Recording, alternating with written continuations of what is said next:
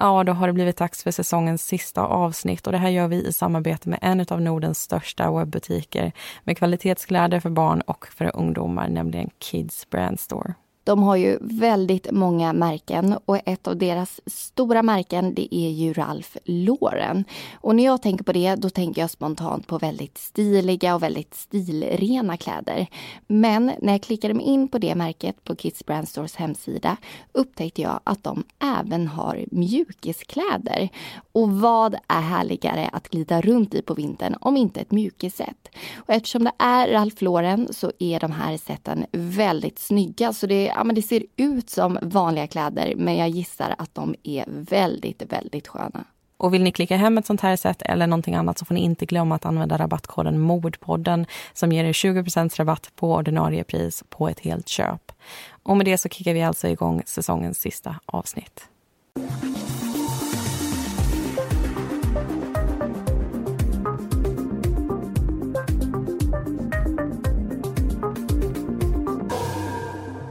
2015 står två hus i lågor. Det ena i början av mars i Ökensås och det andra i slutet av maj i Norra Hammar. I båda bränderna omkommer ett äldre par och det finns fler likheter. De verkar ha haft kontakt med samma person, Soran. Han är kapitalförvaltare och har hjälpt de båda paren att placera sina pengar. Allt har dock inte gått rätt till. Utåt sett är han en närvarande familjefar, en stöttande vän och en kunnig företagare. Men inom sig har han en stor ekonomisk stress som han inte kan hantera. Han ser bara en utväg och det gör honom till Sveriges första dubbla dubbelmördare.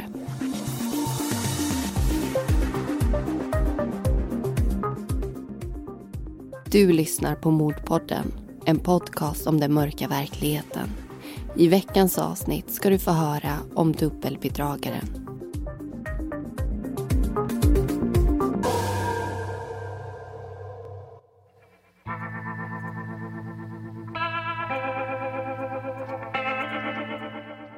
Barn är på många sätt helt fantastiska. När de föds är de som oskrivna blad och det är vår uppgift som vuxna att hjälpa dem att fylla bladen med kunskap och livserfarenhet. Men det finns också så oerhört mycket som vi vuxna har att lära av dem. Deras sätt att se på världen med nyfikenhet, öppenhet och godhet. Medan vi ofta är kritiska mot nya personer och misstänker att de vill oss något illa till som bevisar motsatsen är barn helt tvärtom. De utgår från att människor oavsett hur de ser ut, vad de har på sig eller vilken bakgrund de har är snälla och goda. Barnen behöver själva se de dåliga sidorna för att ändra den uppfattningen. Att ha inställningen att människor vill en väl är i grund och botten någonting väldigt positivt. Men det kommer tyvärr alltid finnas personer som utnyttjar andra människors godtrogenhet. Som skapar sig förtroende och tillit bara för att kunna förstöra för någon annan. I det här avsnittet kommer vi berätta om två olika fall som visar sig höra samman.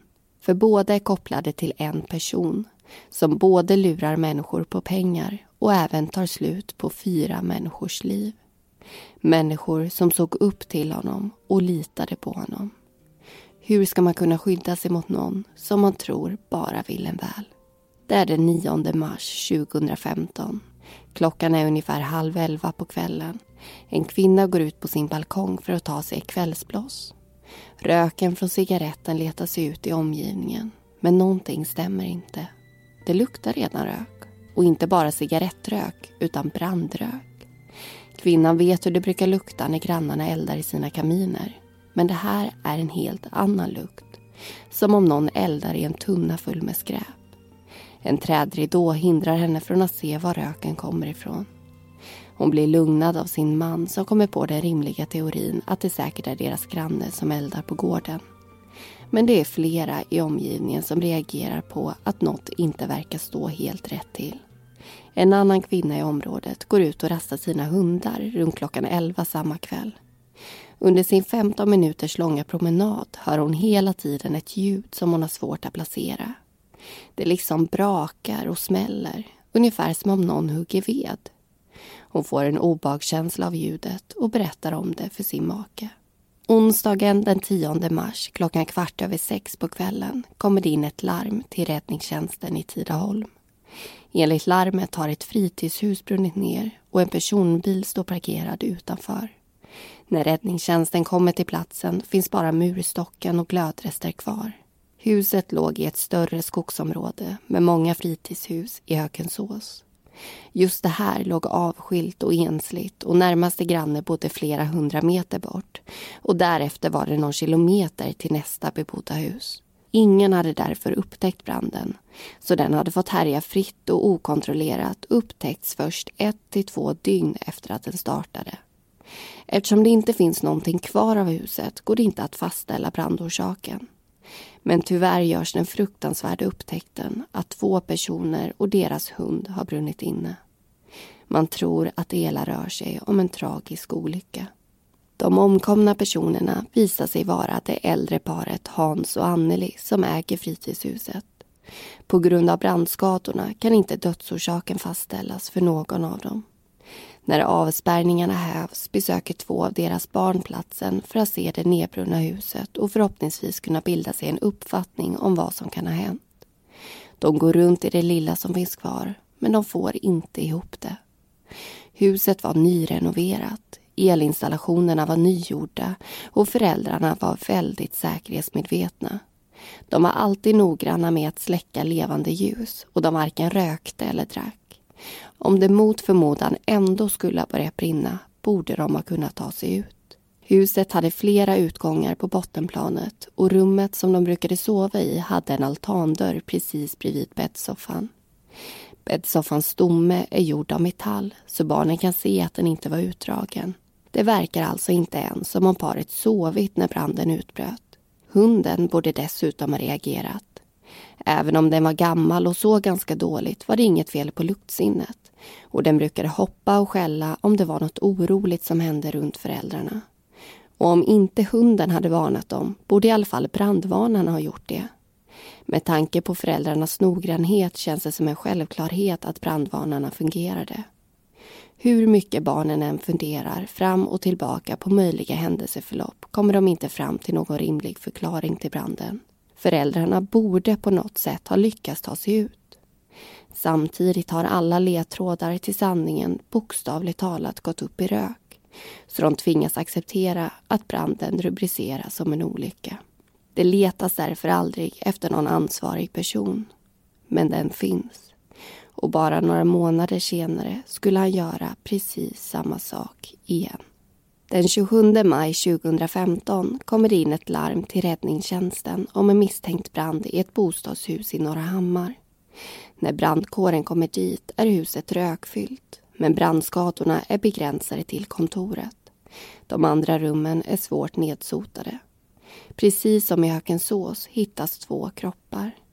Men den här gången har inte branden hunnit äta upp alla bevis som vittnar om vad som har hänt. Ett baseballträ i metall som är böjt och har kraftiga bucklor ligger i närheten av kropparna och sex flaskor tändvätska ligger utspridda på golvet. Den här gången förstår man att det inte handlar om en olycka. Någon har förmodligen dödat det äldre paret och sen tänt eld på huset för att försöka dölja sina spår.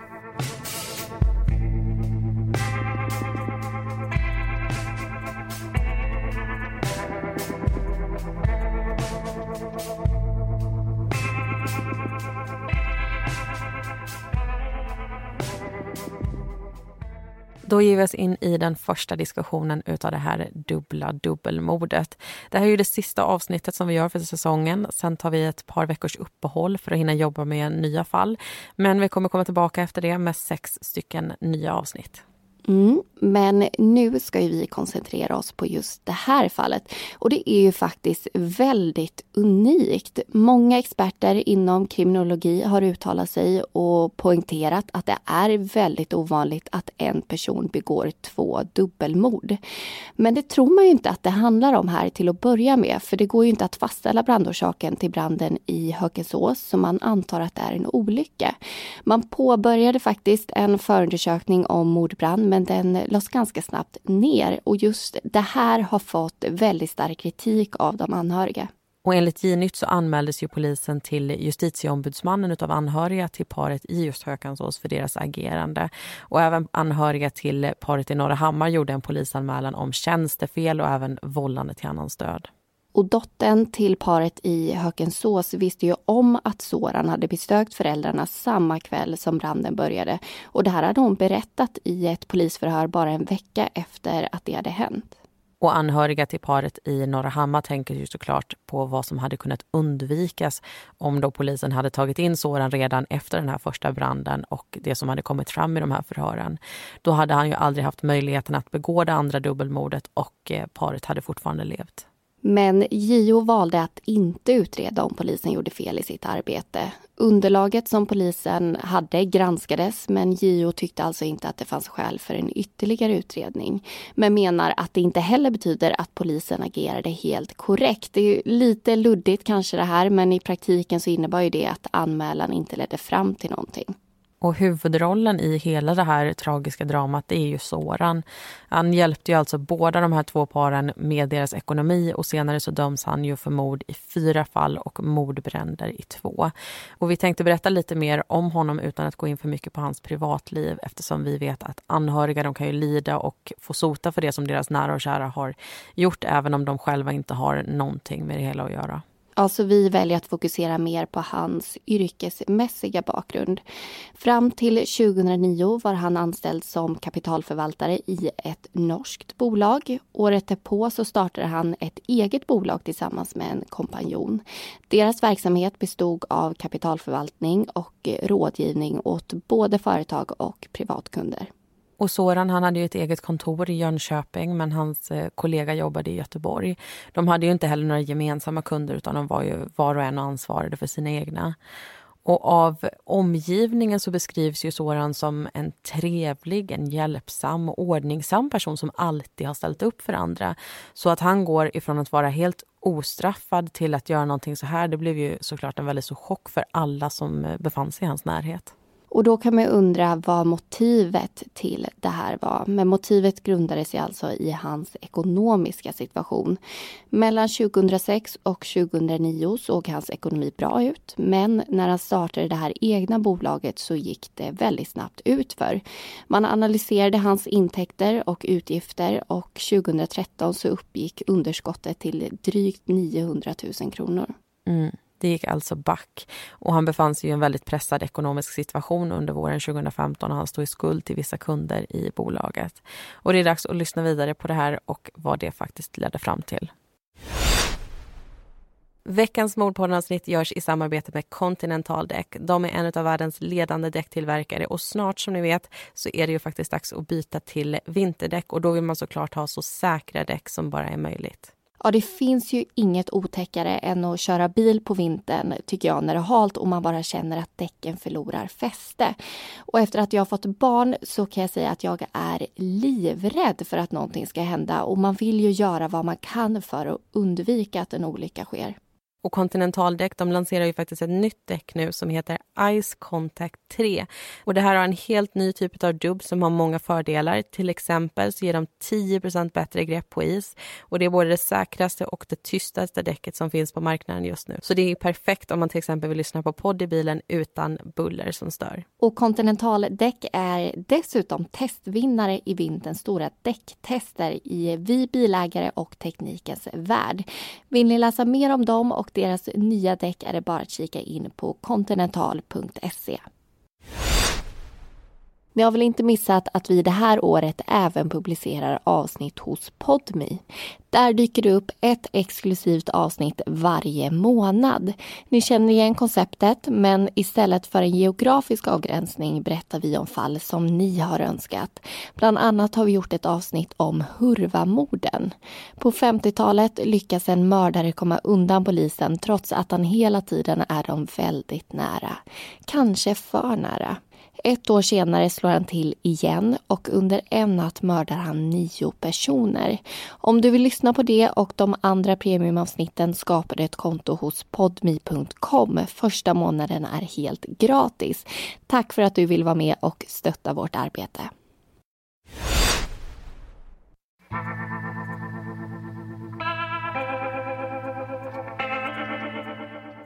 Hans och Anneli bodde utomlands under många år men bosatte sig så småningom i Bankeryd.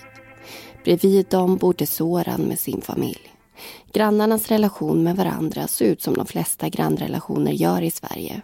De umgicks inte privat men småpratade då och då utomhus som grannar brukar göra. De ställde upp för varandra när det behövdes och en jul var Hans och Annelis son tomte hemma hos Soran. Men för det mesta handlade Sorans samtal med grannparet om ekonomi. Han jobbade som kapitalförvaltare och ville gärna hjälpa dem med tips och råd inom hans kunskapsområde. 2009 upphörde grannskapet när Soran flyttade. Han träffade inte längre Hans och Anneli privat men fortsatte hålla kontakt med dem om ekonomiska frågor. Efter att paret sålde en fastighet i Portugal hjälpte Soran dem att förvalta 800 000 kronor. De såg Soran som en pålitlig person med mycket kunskap om ekonomi och berättade för deras närmsta anhöriga om valet att låta honom hjälpa dem. Den 28 april 2014 köpte Hans och Anneli ett fritidshus i Hökensås. De tyckte att huset behövdes rustas upp och påbörjade därför en stor och omfattande renovering som de tänkte finansiera med pengarna som genom Soran var placerade i utlandet. Renoveringen genomfördes och fakturorna med saftiga summor kom från byggföretaget. Men det fanns ett problem. Pengarna som skulle betala räkningarna kom inte in på Hans och Annelies konto. Anneli lyckades komma överens med byggföretaget om att dela upp betalningen i två omgångar. I ett mejl till dem skrev hon så här. Den resterande summan betalas i början av mars då vi väntar på en påfyllning på vårt konto som tyvärr blivit försenat. Samma dag skickade hon iväg ett sms till Soran där hon skrev Vi har nu fått räkningen från byggarna. Har pratat med dem idag och de har lovat att vi kan få betala en del nu och resten när vi får pengarna i mars. Men den 2 mars tvingades Anneli skriva ihop ytterligare ett mejl till byggföretaget.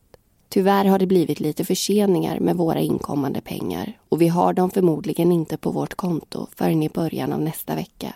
Så snart de är där betalar vi fakturan. De hade länge försökt få tillbaka sina pengar från Soran utan att lyckas. Men i och med de förfallna fakturorna kunde de inte vänta längre och inte heller förlita sig på hans löften om att överföringen skulle ske. De krävde mindre snack och mer verkstad. Så de bjöd hem Soran till sig den 9 mars för att prata om de uteblivna pengarna. På kvällen ringde Anneli sin dotter och berättade att Soran skulle komma dit.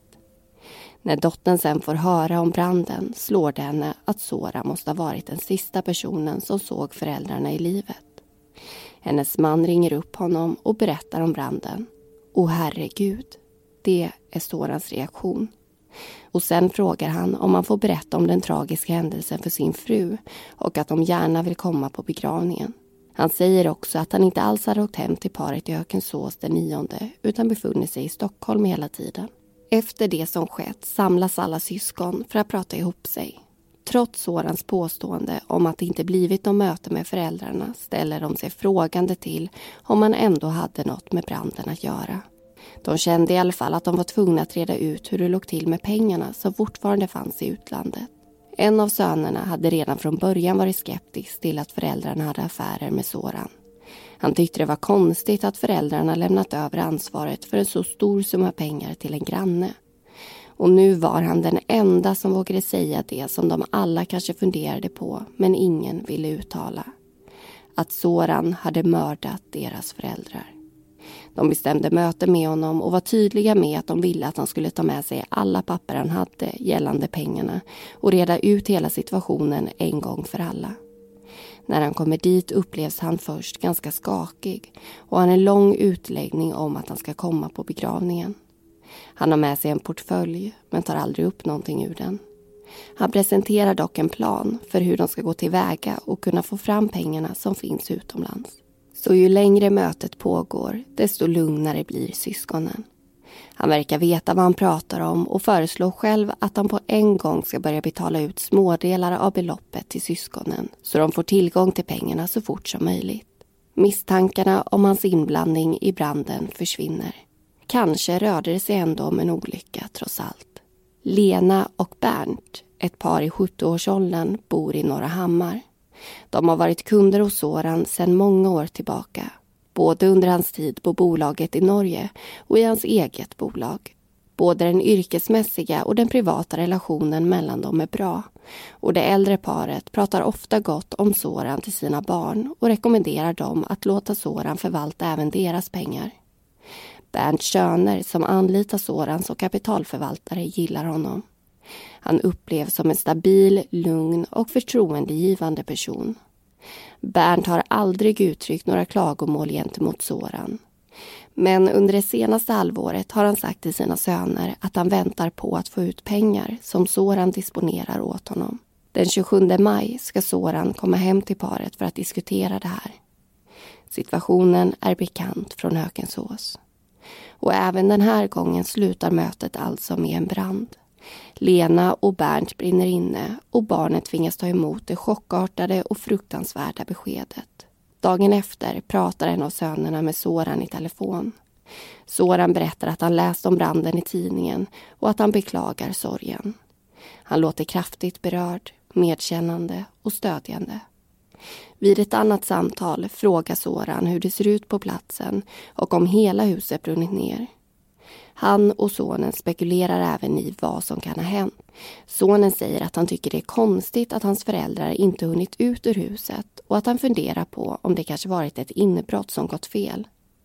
Soran håller med om att den teorin är rimlig. De hade ju faktiskt ett kassaskåp hemma hos sig. Men inte heller den här gången handlar det om en olycka. Det handlar istället om en man som på grund av stor ekonomisk stress och press beslutar sig för att göra allt i sin makt för att lyckas komma undan knipan. Även om det innebär att ta livet av två personer han egentligen tycker mycket om och nu lurar deras son rakt upp i ansiktet. Men den här gången skulle han inte komma undan.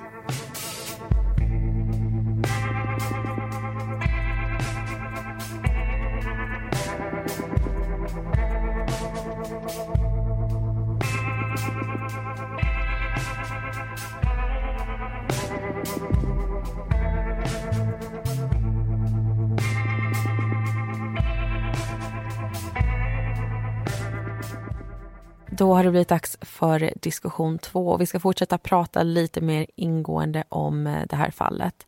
Den första branden i Hökensås antog man ju alltså var en olycka men den här branden i Norra Hammar förstår man ju ganska direkt att det inte är en olycka. Efter släckningsarbete så följde polisinsatschefen med en man från räddningstjänsten in i huset. Mannen från räddningstjänsten ville nämligen visa något som kunde vara relevant för polisen. På nedervåningen så hade det hittats sex tomma flaskor tändvätska. Lena och Bernt, de hade en gasolgrill så det var ju ganska märkligt att de hade hittat ett så stort antal flaskor som de inte borde ha användning för. Och det var också konstigt att makarna inte tagit sig ut ur huset för de hade haft kläder på sig och larmet om branden kom ju in vid lunchtid. Och Soran blir ju misstänkt och den 8 juni genomförs ju en husrannsakan i hans kontor i Jönköping. Och i ett kopieringsrum mellan några papperskartonger då hittar man ju en sak och det är en kofot. Och den här kofoten den blir ju genast intressant för man hade upptäckt brytmärken på huset som hade uppstått efter det att den här första brottsplatsundersökningen hade gjorts. Det var alltså någon som hade kommit tillbaka dit. Och verktyg, det är ju lite som fingeravtryck faktiskt. Avtrycken de lämnar, de är ofta unika och då kan man knyta ett specifikt verktyg till ett specifikt avtryck också. Och den här kofoten den undersöks ju just på grund av det. Och det visar sig att det är mycket möjligt att den används för att göra just de här brytmärkena. Dessutom så upptäcks en blodbild på kofoten, men inte från det här paret i Norra Hammar utan från paret som brann inne i fritidshuset i Hökensås. Så helt plötsligt har man ju en koppling däremellan. Och det fanns ju fler saker som kopplade samman de båda fallen. Ja, båda de här paren var ju i 70-årsåldern. Båda var också kunder hos Soran. De hade lämnat ett större kapital, alltså en hel del pengar till honom för att han skulle förvalta de här pengarna. Och de hade placerats i samma bank och syftet med de båda besöken hade ju varit att diskutera ekonomiska angelägenheter. Och det båda de här makarna och paren ville, det var ju att deras pengar skulle betalas ut till dem. Och trots att båda de här paren hade ganska nära till Sorans kontor så skedde ju mötena hemma i deras egna hem och under kvällstid. Och hans val av kläder är faktiskt också en gemensam faktor. Under mötet i Hökensås så hade han på sig träningskläder och vid besöket i Norra Hammar hade han på sig fritidskläder. Och sen då kanske det mest anmärkningsvärda. Precis efter hans besök hos båda paren så brann husen ner och ägarna hittades döda. Sen hade han också gjort en hel del intressanta inköp inför sina möten. Mm. Den 9 mars, alltså samma dag som han hade sitt möte med paret i Hökensås så stannade han ju till vid ett byggvaruhus i Jönköping och han köpte en kofot, handskar, blått rep, tändvätska, plastsäckar och en plastkasse. Och den 27 maj när paret i Norrahammars hus brann ner så köpte han också flera flaskor tändvätska. Själv så menade han ju att han skulle ha dem eh, för privat bruk men hemma hos honom så hittar man ju ingen tändvätska. Så om han talar sanning så måste han ju ha använt upp allt men det här tycker man inte är rimligt eftersom han köpte fyra flaskor just den 27 maj.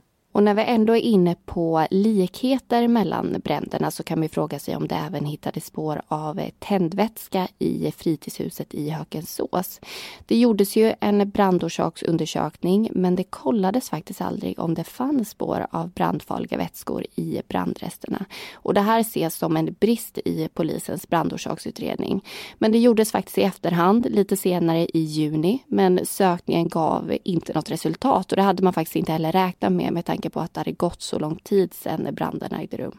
Och vi har ju pratat om husrannsakan i Sorans kontor eller på Sorans kontor. Men den 15 juni så gjordes det också en husrannsakan hemma hos honom.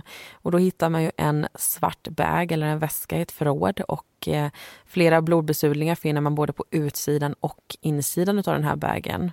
Och i Sorans bil så hittar man också två andra saker och det är ett blått rep och en rulle med silvertejp. Och det blir ju ganska mycket bevisprat nu i den här diskussionen men det är en till sak vi vill ta upp innan vi lämnar det här ämnet. Den 24 maj, alltså tre dagar innan angreppet i Norra Hammar, hade Soran sökt på Google på bland annat vapen och vapen, pistol att köpa. Där hade han också gjort innan händelsen i Hökensås. I övrigt så verkar han inte ha sökt på de här sakerna. Själv menar han att han bara är allmänt intresserad och fascinerad av vapen men i så fall så är det ju konstigt att han bara har sökt efter det just innan mordbränderna kan man ju tänka. Och med det så tycker jag att vi lämnar bevisningen och eh, egentligen också det, hela det här fallet för ett ögonblick.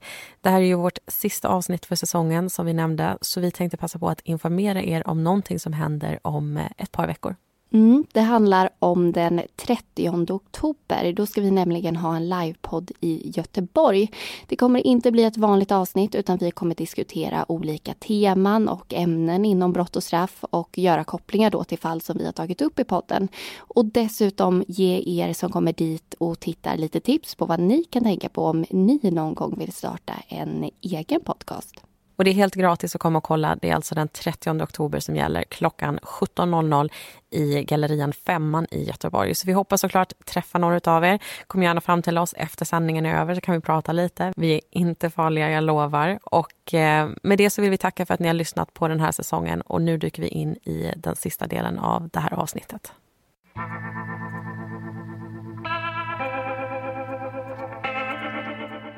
Soran erkänner att han berövat Lena och Bernt livet och att han anlade branden i deras hus i Norra Hammar. Han hade pratat med paret flera gånger, både den aktuella dagen och dagarna innan för att bestämma träff. De bokade in ett möte hemma hos Lena och Bernt kvällen den 27 maj. Soran kom dit strax efter klockan sex på kvällen. Han åkte inte i sin egen bil utan i en hyrbil som han hämtade ut samma dag. Med sig hade han en stor svart sportbag. I den låg kläder, smörgåsar, en dator, två bollar och två baseballträn. Ett i aluminium och ett i trä. Det var bara Bernt som var hemma.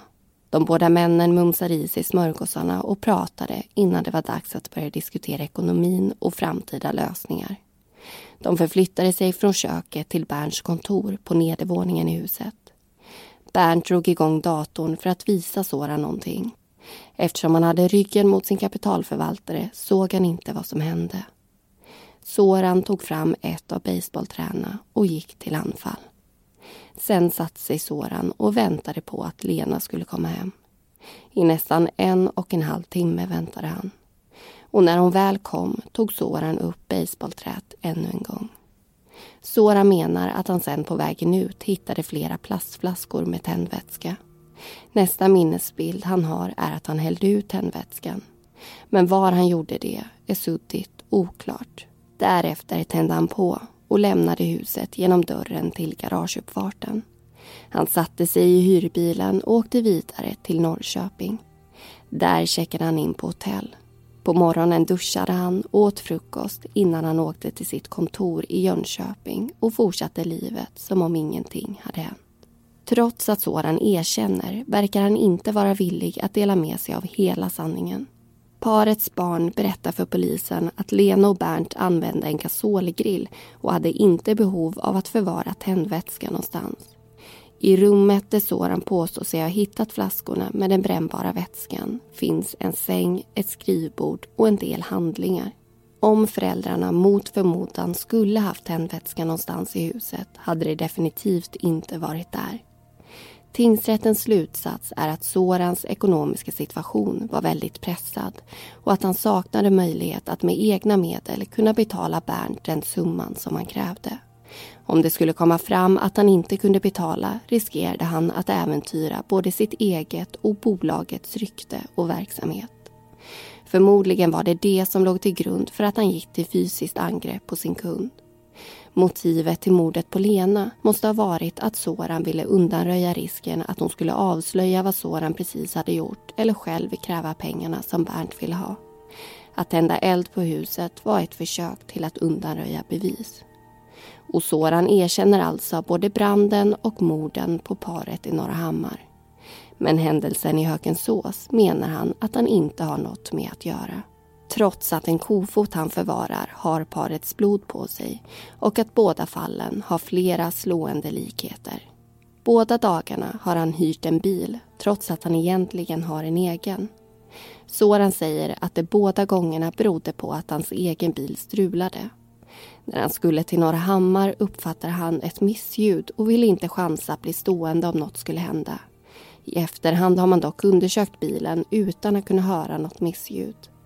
När han skulle till mötet i Hökensås glappade den högra strålkastaren så han valde att hyra en bil även den gången eftersom det var så mörkt ute. Men när bilen servades i maj hittades inget fel på strålkastaren. Soran har alltså vid två tillfällen hyrt en bil på grund av att han upplevt fel med sin egen. Den ena gången var den 9 mars när paret i Hökensås miste livet och den andra var den 27 maj när huset i Norra Hammar stod i lågor. Tingsrätten tror därför inte på hans krystade förklaringar med mystiska fel utan att det helt enkelt berodde på att han ville undvika att bli igenkänd och förknippad med händelserna. Soran menar att han åkte till paret i Hökensås efter att han ätit kvällsmat med familjen. De skulle träffas för att diskutera eventuella intressenter som kunde ta över den depå där parets pengar fanns så att de kunde få ut sina pengar.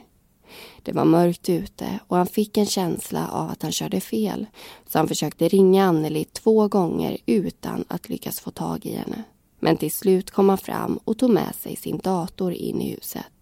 När de var klara ville Anneli åka till sin bostad i Gränna för att skriva in lite anteckningar om det som sagts om placeringarna på sin dator.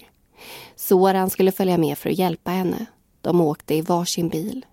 Väl där gick allting ganska snabbt och smidigt. De diskuterade vad som hade sagts och såg till att Anneli fick allting nedskrivet på sin dator. Sen åkte de därifrån.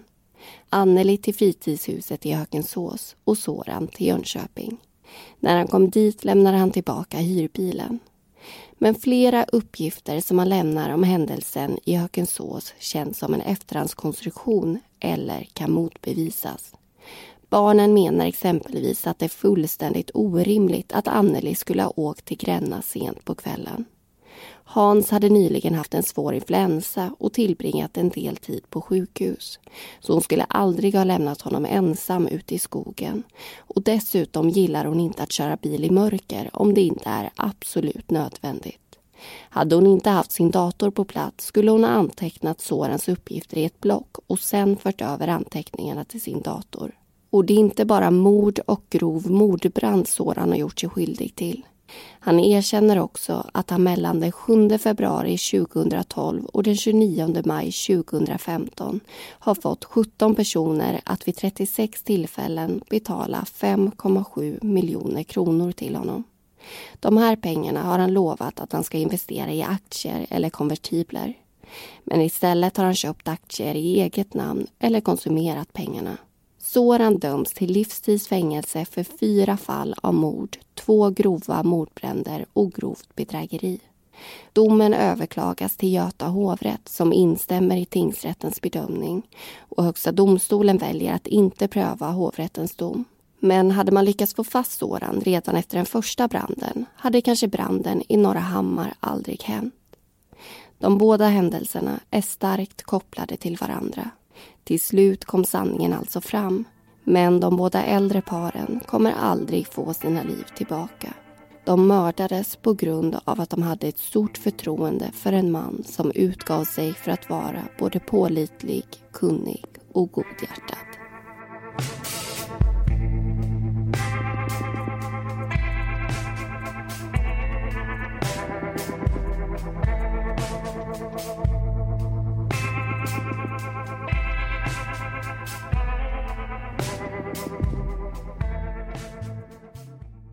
Och det var allting vi hade att berätta om dubbelbedragaren. Alla personer i berättelsen förutom Soran heter egentligen någonting annat och informationen är hämtad från domarna i fallet. Nu tar vi ett litet uppehåll men om några veckor är vi tillbaka igen med nya avsnitt. Vi hörs då.